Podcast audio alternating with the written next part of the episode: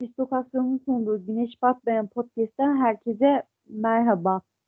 Rötarlı olarak bu hafta çekiyoruz podcast'imizi. Ee, Premier Lig'de de gündem yoğun. Bir taraftan Covid dedik, bir taraftan e, sıkışık fikstür. E, dün de toplantı vardı galiba. E, aslında Premier Lig e, kulüp temsilcisi temsilcileriyle Premier Lig yönetimi e, bir toplantı yaptı ve lige devam kararı çıktı. Toplantı ki bu da e, konuşulacak konular arasında bu hafta. E, sevgili Melih ile birlikte beraberiz bu hafta. Ege ve e, Emrecan bizleri yalnız bıraktı. E, yine güneş batmayanda sevgili Melih hoş geldin. Hoş bulduk Gamze. Bizim birlikte ilk programımız. Hayırlı olsun diliyorum ben de. Birlikte dediği gibi ilk programımız olacak. O zaman başlayalım Melih. Başlayalım. Ee, Başlamadan ben bir bir iki bir şey söylemek istiyorum da e, geçen hafta ne yazık ki yoktum. Program başladığından beri ilk defa e, olamadığım bir hafta geçirdik. Bunu da biraz açıkçası acısını çektim. Ben yokken Ege yani hiç susmamış. Benim olduğum takdirde asla bu kadar boş yapamayacak. Bunun sözünü verebilirim şimdiden. Evet. Kulaklarını bayağı bir çınlattık zaten. Ee, Chelsea'deki düşüşle başlayalım o zaman. Ee, giriş konusundan başlayalım. Premier Lig'deki gündem, gündemden başlayalım. Covid biliyorsun bayağı bir vurdu Premier Ligi. Ee, 17. haftada 3 maç, 18. haftada yani geçtiğimiz hafta sonu oynanan mücadelelerde 6 maç ertelendi toplamda. Ve ligin ertelenmesi gündemdeydi. Ancak Premier Lig yönetimi e, dün yapıldı. Bu küçük fikstürde aslında e, tek, menajerliğinde çok fazla tepkisi vardı. Hani e, Jurgen Klopp olsun e, daha büyük teknik direktör, e, menajerler olsun hani bu konuda dile getirdiler ve dün de bir e, toplantı gerçekleştirildi ama lige devam kararı e, alındı. Hatta bugün e, konu e, Liverpool yardımcı antrenörü ne soruldu. O da dedi ki hani e, bu konuda karar vericiler e, yani bu konuda ağzına bakmak bakmamızın gerektirdiği kişiler bilim adamları ve doktorlar olmalı. Bunlar uzman kişilerdir tarzında minimalinde bir açıklama yapmış. E, yani Premier Lig'de menajerler olsun, futbolcu olsun bu konudan ve bu karardan rahatsız diye tahmin ediyorum, öyle düşünüyorum. Sen neler söyleyeceksin? Hem Covid'i değerlendir hem de yaş değerlendirecek hem de e, bu sıkışık fikstür evet lig ertelenmeli miydi? Bu karar nasıl? Valla ben kararı açıkçası doğru buluyorum. Çünkü zaten sıkışık bir fikstür var ortada. Bu fik sıkışık fikstürün olmasının sebebi de yani zaten sezonun e, daha geniş bir biçimde dağılabiliyorsa dağıtır Premier Lig takımları. Zaten senelerdir istenen bir şey ama hem Boxing Day'den dolayı hem de e, yani fikstürün de gerekliliklerinden dolayı çok fazla oynama yapılamıyor Aralık ayı, Aralık ayında. Dolayısıyla e, maçların ertelenmemesi benim beklediğim bir karardı. Elbet bir çözüm bulurlar diye düşünüyorum. Yani önümüzde o kadar hafta var. Elbet bu maçlarını oynayamayan takımlar hafta içlerinde oynarlar. Yani aslında haftaya biraz Jürgen Klopp'un açıklamaları damga vurdu. Ee, önce aşı hakkında biraz konuştu. Onun üstüne David Moyes konuştu. Klopp biraz daha e, katı bir tavır sergileyerek insanların aşı olması gerektiğini söyledi. Fakat yine sözlerinde her zaman olduğu gibi ben yani bu konuda bir merci değilim. Fikrimi sunuyorum dedi. Normal bir şey. Ee, üstüne de David Moyes biz insanların hayatına karışamayız. Onlar nasıl istiyorsa e, öyle davranırlar. İsteyen aşı yaptırır dedi. Birkaç gün önce de bir üç gün önce falan yine Klopp çıktı açıklama yaptı ve e, aşısız oyuncu transfer etmeyeceğiz dedi. Bu biraz radikal bir tavır diye düşünüyorum ben. Yani açıklamalarına baktığımızda e, şunları da ifade ediyor. Sanırım takımda herkes de aşılı. Ben açıklamalarına onu çıkardım. Yani aşısız bir oyuncu transfer ettiğimiz takdirde, takımda aşısız bir oyuncu olduğu takdirde e, farklı bir soyunma odasında e, giyinip giyinmesi gerekiyor.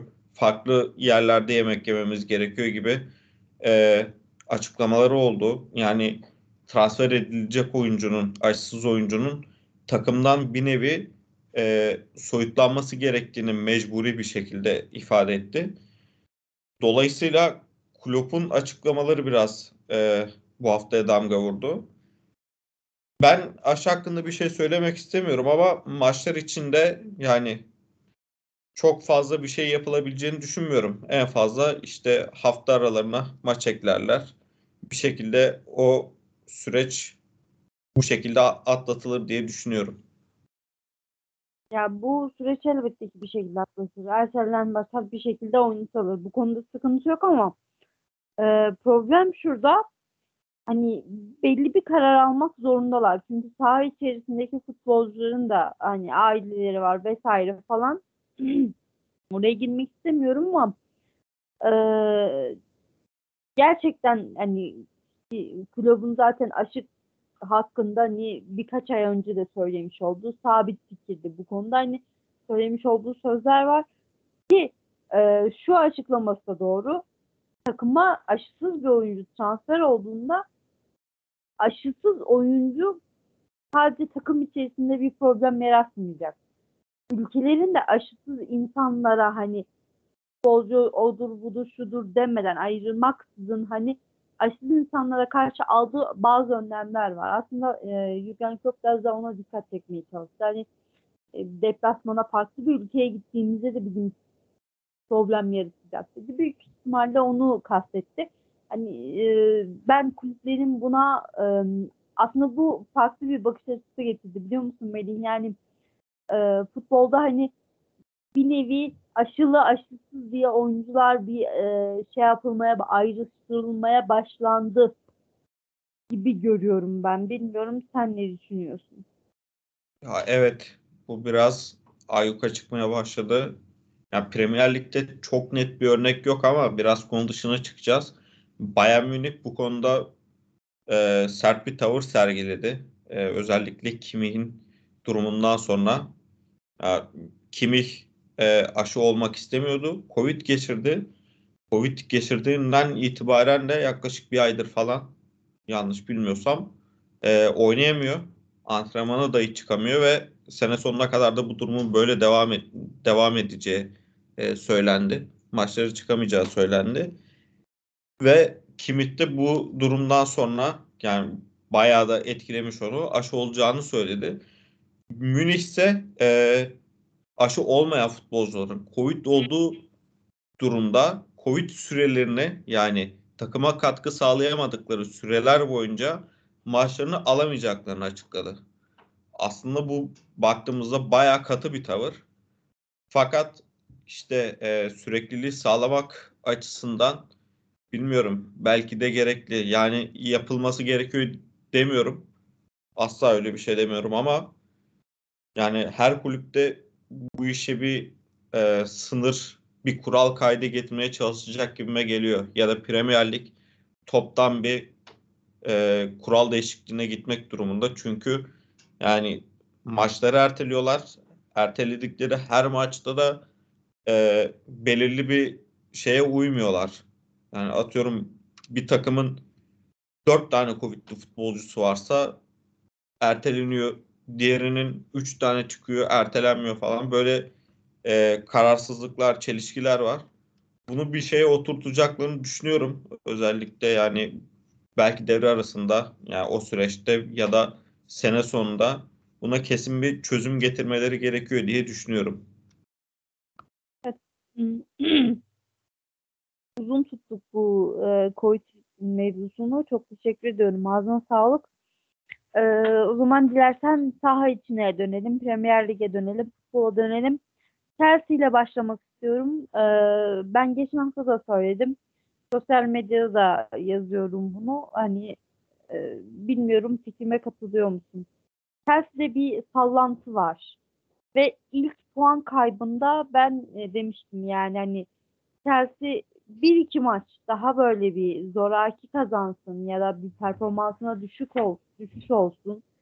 Ee, sonrasında bir sallanır. Sen de bir düşüş sezinliyor musun Chelsea'de? Everton'dan sonra e, Wolverhampton'la da 0-0 berabere kaldı. Ve son 9 maçta 3 galibiyet çıkardı. Kesinlikle dediğin gibi Chelsea'de puan kaybı olduğu takdirde bir sallanma mevcut. Biz bunu liderken de dile getirmiştik. Chelsea'nin oyunu zaman zaman sıkışıyor. Çok e, sağlam bir oyun yok. Çok üretemiyorlar diye. Şu an bunun da yansımalarını görüyoruz diye düşünüyorum. Tamam Covid etkili fakat Covid vakalarından önce de yani bu takımda tamam yine sakatlıklar falan vardı ama sakatlıklar yokken de bu puan kayıpları başlamıştı. Özellikle Norwich maçından sonra. Yani biraz Chilwell ve orta sahanın eksikliği vurdu. Daha önce de belirttik ama yine de e, Tuhel'in farklı çözümler gerek e, üretmesi gerektiğini düşünüyorum. Yani üçlü ısrar etmeyebilir. Ne yapabileceğine dair hiçbir fikrim yok. O onun işi. Ama mesela yani Pulisic'i net bir santifor olarak oynatması bana çok mantıklı gelmiyor. Çünkü özellikle Everton maçı da Wolverhampton maçı da çok fazla sıkıştığı zamanlar oldu ve üretmekten çok aciz kalıyorlar bu durumlarda.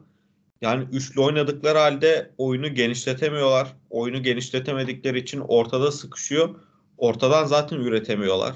Yani Chelsea sezon başından beri kanat beklerinden e, ekstra performans alan bir takım. Dolayısıyla kanat beklerinin de performansının düşüşüyle özellikle Alonso Chilwell'den sonra hiç bekleneni veremedi. Orada Saul'ü de denedi zaman zaman. O da bekleneni veremedi. Yani dolayısıyla farklı şeyler denemesi gerektiğini düşünüyorum. Belki Santiforsuz oynar ya da Pulisic'i kenara atar. Bir şeyler yapmalı diye düşünüyorum. Yani orta sahada e, Jorginho Loftus-Cheek ikilisinin yetersiz kaldığını zaten söylüyorduk. Bu hafta e, Wolverhampton maçına Kante ve Çalabah'la çıktı ki bence mantıksız bir hareket değildi ama yani Loftus-Cheek, Jorginho ikilisine baktığımızda o ikilinin zaten yürümeyeceği belliydi. Farklı bir şeyler deneyebilirdi orta. Orta sahayı kalabalıklaştırabilirdi. 5-3-2 yapabilirdi ya da 4'lüye dönebilirdi. Orta sahayı yine 3 diyebilirdi. Hoca çok fazla denemiyor. Çok fazla takıldı 3-4-3'e. Ben bunun biraz yani oyun anlamında, taktik anlamında çözüm üretemesi de farklı bir sistem değişikliğiyle bir şeyler yapmasını bekliyorum açıkçası. Çünkü şu an gerçekten hiç akmayan bir oyun var. Yani son haftalarda bakıyoruz Chelsea'nin en yaratıcı, en çok pozisyona giren oyuncusu Rüdiger. Her maç bir pozisyonu var. Yani böyle olmaması gerekiyor. Evet. Ee, aslında Chelsea sezon başından beri yani böyle evet kalabalık bir kadrosu var, derin bir kadrosu var. Farklı bir oyun tarzıyla oynuyor ama e, özellikle hani City'nin birazdan geçeceğiz. City'nin toparlanmasından sonra bir ve kendilerinin de bir puan kaybı olduktan sonra bir panik havası oluştu gibime geliyor. Yani oyuncularda da birazcık e, düşüş ser, sezinliyorum. Sanki özgüvenlerinde bir kırılganlık sezinliyorum. Bilmiyorum e, sen katılıyor musun? Ya katılıyorum. Psikolojik bir düşüş var kesinlikle. Mental olarak gittikçe kötüye giden bir takım var şu an. Bu da yine hocanın çözmesi gereken bir durum. Yani bundan çok uzak değil. Birkaç ay önce Şampiyonlar Ligi kupasını kaldırdılar. Takımın daha iyi toparlanabileceğini düşünüyorum. Yani bunda tabii ki yani performans düşüşünde Boxing Day'in etkisi var. Yani e, hafta içi, hafta sonu devamlı maç oynanıyor.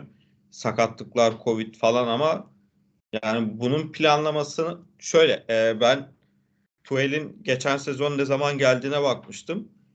Yani Ocak'tan itibaren geliyor takıma ve takım asıl zor zamanı zaten atlatmış olduğu zaman. O zor zamanları Lampard'la geçirdiler. Tuel'in aslında bu sene baktığımızda Premier Lig'deki ilk Aralık ayı. Ki bu da bir menajer için hiç kolay bir şey değil. Hele ki bu kadar sıkıntıdayken. Onda da düşüş olması e, normal karşılanabilir diye düşünüyorum. Ben çok şaşırmadım açıkçası. Buraları bilen mesela senelerdir Pep ve Klopp bu süreçten çok daha iyi çıkıp çıkıyorlar şu an. Ki onlarda da özellikle Liverpool'da zaman zaman eksik olmasına rağmen yani onlar bir şekilde bu olayı çözdüler ve bunu bununla nasıl baş, baş edeceklerini biliyorlar. Fakat Tuel'in dediğim gibi ilk Aralık ayı, ilk bu kadar yoğun geçirdiği bir dönem Premier Lig'de bir de. Dolayısıyla ben biraz normal karşılıyorum. Yani takım tam haline döndüğü süreden itibaren Ocak gibi düşünürsek, Ocağın ortası gibi falan toparlayabileceklerini düşünüyorum. Bu olayı kim toparladı biliyor musun? Şu anda gerçekten hani e, tabiri caizse halk dilini kullanınca e, gaza basan şu anda tek bir takım var. Freni tutmayan City, Manchester City. Liverpool'un da puan kaybıyla e, farkı ikinci sırayla farkı 3'e çıkardı. E, Chelsea zaten devam ediyor farkı.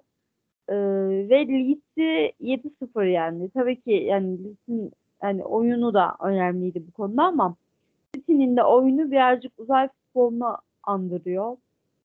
Ee, seninle bayağı konuştuk. Yayın öncesinde de grupta da bize e, sürekli ricalarda bulundun. Bu hafta City'yi konuşalım diye. Sana soruyorum. City'nin e, yükselişi bu konu hakkındaki yorumlarını seni dinliyorum. Ya evet diye çok fazla değinmiyoruz. Biraz yani Chelsea ve Liverpool çok gol atıp iyi savunma yapıp yani biraz gözümüzü e, nasıl desem süslediler. Fakat yine geçen sene olduğu gibi tam zamanında gaza basmaya başladı. 7 galibiyet üst üste oldu sanırım ya da 8 bu son Newcastle galibiyetiyle birlikte. Yani uçuyorlar son 3 maçta da yani 2 maçta 10 tane 11 tane gol attılar. Evet 11 tane. Yani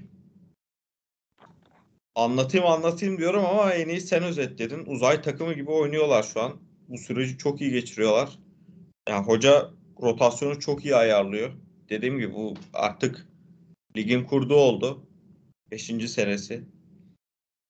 Yani zaten takım kadrosu çok iyi. Fakat rotasyon dediğim gibi çok çok iyi ayarlıyor. Bunu özellikle Şampiyonlar Ligi ve lig maçlarında kadroyu hemen hemen tamamen değiştirerek yapıyordu. Bu hafta içi maçlarında da oldukça fazla değişiklik yapıyor. Biraz Bernardo yıprandı gibi görünüyor ama o da hala çok üst düzey oynuyor. Yani şu an City'de herkes çok formda. Bilmiyorum yerine kimi koysan takımda hiç kimse sırıtmıyor. Herkes bir öncekinin aynı performansını veriyor. Hatta üstüne de koyuyorlar. Yani mesela iki maçtır Zinchenko oynuyor. Farklı bir şey katıyor. Cancelo sağ beke geçti. O oradan farklı bir şey katıyor. Jesus forvet oynuyor. Yani takım akıyor. Gol yemiyorlar. Bol gol atıyorlar. Hiçbir şeyden etkilenmiyor gibi duruyorlar şu an. Şu anda Önündeki... Buyur. Çok pardon bölüyorum ama e, Bernardo Silva'yı da eklememiz lazım. E, inanılmaz bir katkısı da var. Ya Bernardo Çok e, farklı hangi farklı. sezonlu? 18-19 sezonu yanlış hatırlamıyorsam De Bruyne'nin sakat olduğu sezon. O perform o sezonki performansının üstüne çıktı. Sezon başı takımdan ayrılma gibi bir durumu vardı. Fakat yani oyuncu ben hayranım ya. Ben hayatımda bu kadar hem teknik olup hem bu kadar azimli oynayan başka hiçbir futbolcu gördüğümü hatırlamıyorum. Adam cidden bütün özveriyle, bütün özgüveniyle oynuyor. Hiçbir şekilde mücadeleden kaçınmıyor. Her türlü yeteneğini sahaya yansıtıyor. Gol atmaya başladı. Gol pozisyonuna girmeye başladı. Kaçırsa da bazen. Bilmiyorum çok ayrı bir seviyede oynuyor bence şu an. Ya Salah her maç e, bir skor katkısı yapıyor ama Salah'ın oyuna etkisi özellikle son bir aydır falan bu kadar değil. Bernardo'da hiç düşüş yok. Oyuna her türlü katkıyı yapıyor. Skora katkıyı yapıyor. Yani City'nin şu an demirbaşı diyebilirim Bernardo için. Teşekkür ediyorum. Ağzına sağlık. Ee, çaldı başına gidiyor. Ee, Liverpool duraksadı. Tottenham tabiri caizse çel, e, çelme taktı diyebiliriz. 2-2 berabere kaldılar. Deplasmanda oynadı e, Tottenham'da Liverpool. Ro, e, Robertson'ın kırmızı kartı, Kane'e verilmeyen kırmızı kart, e, Jurgen Klopp'un o 1-0 geriye düştüğünde Robertson'a verdiği tepki bilmiyorum e, görüntülerde gördün mü? Ben maçı sadece özetini izleyebildim. Ama e, bir görüntü Twitter'dan da Instagram'dan denk gelmiş olması lazım. Bir görüntü denk geldi. Jurgen Klopp bayağı bir Robertson'ı Andy Robertson'ı bayağı bir sarstı. Hani ona bayağı bir tepkisi oldu. Ardından e, Robertson'a olumlu yönden yansıdı artık bir korkma mı bir çekinme mi e, bir gol bir asistlik performansıyla oynadı ardından kırmızı kart gördü. Kart doğruydu elbette ki hani bunu bir Liverpool olarak söylüyorum ama kendine verilmeyen kırmızı kart vardı. O kartta bu nedir diyeceksin. Ee, sana da soracağım zaten.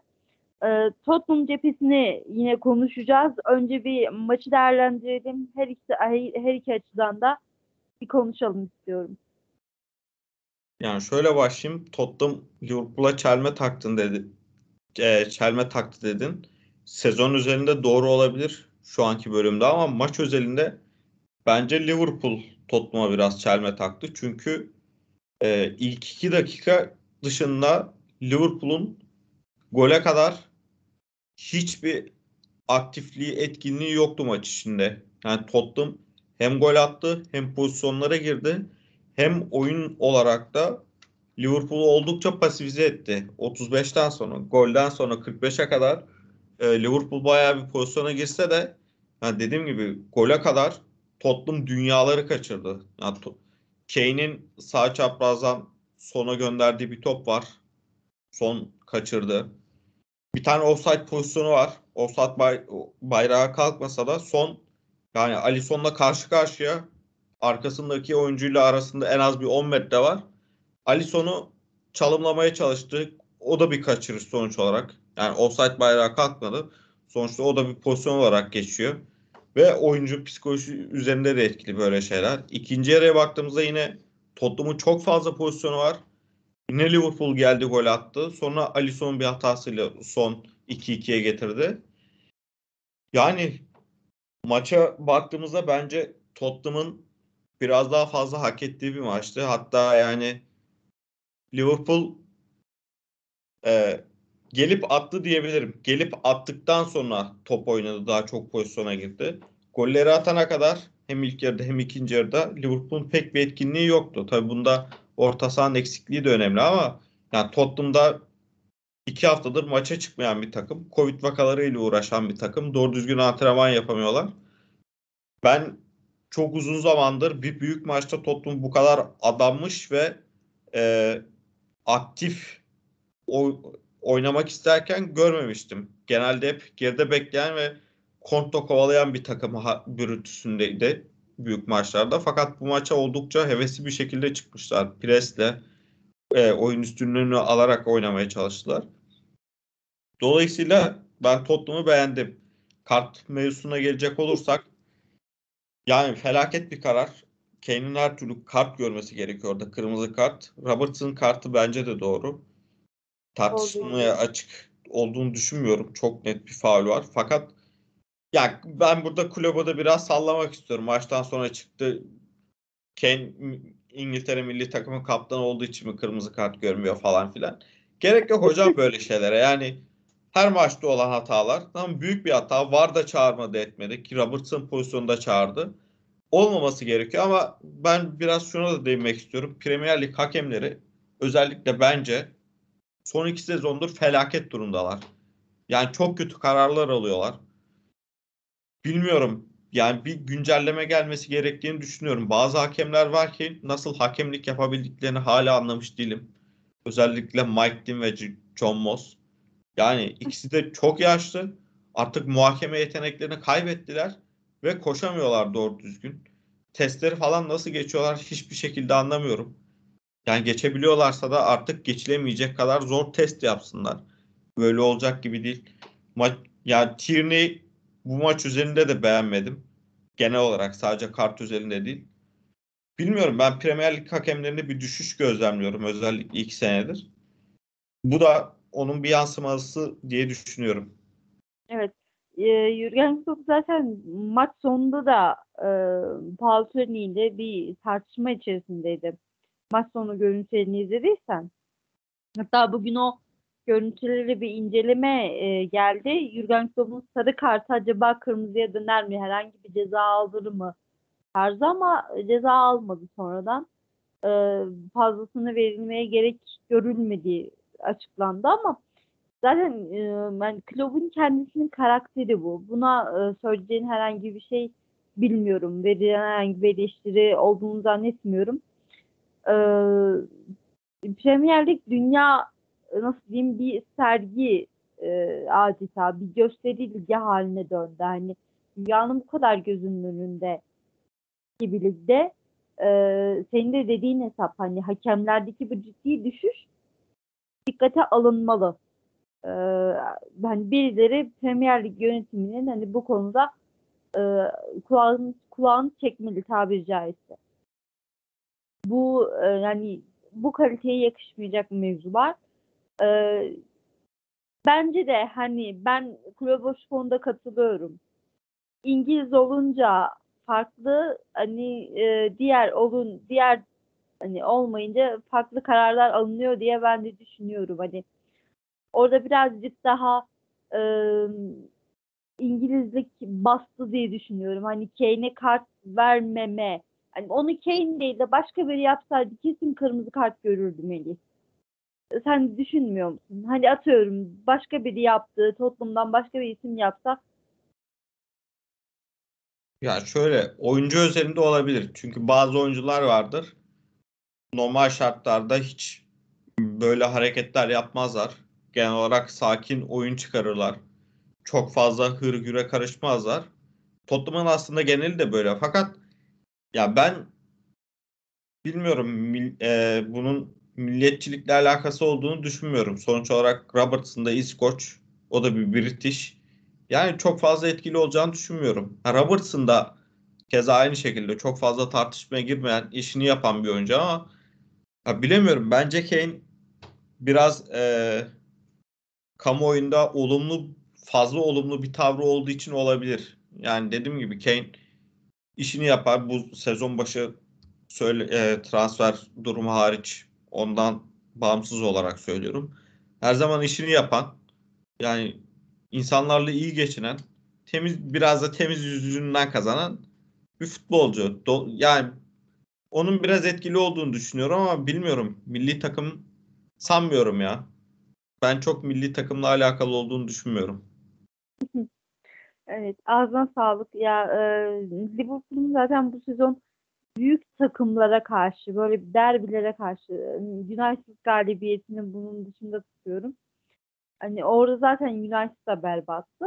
Hani büyük takımlara karşı bir de Arsenal maçını dışarıda tutacak olursak hani birazcık kırılganlık var. Senin de dediğin gibi hani oyununda da düşüş var. Bunu e, nasıl yapıyorlar bilmiyorum. Oyuncularda artık hani motivasyon düşüklüğü oluyor? E, daha çok böyle düşük takımlara düşük takımlara herkes yener ama büyük takımlara karşı City, e, Chelsea diğer takımlara karşı bir motivasyon düşüşü sezinliyorum ben.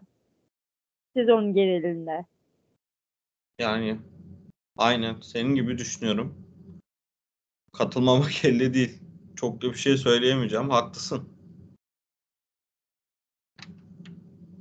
Ee, teşekkür ediyorum. O zaman yavaş yavaş toparlayalım. Ekleyeceğin herhangi bir şey varsa. Yani tek bir şey yok. Barclays 2024-2025'e kadar tekrar isim sponsoru oldu. Hayırlı olsun diyelim. Özlemiştik. Peki o zaman. Tamam. Ee, teşekkür ediyorum. Yavaş yavaş toparlayalım. Bizden bu haftalık bu kadar. Ee, kişiyle beraber 30 dakikalık yaklaşık bir program çıkardık. Biz keyif aldık. Umarım sizler dinlerken keyif alırsınız. Şimdilik hoşça kalın. Herkese iyi akşamlar. Hoşça kalın.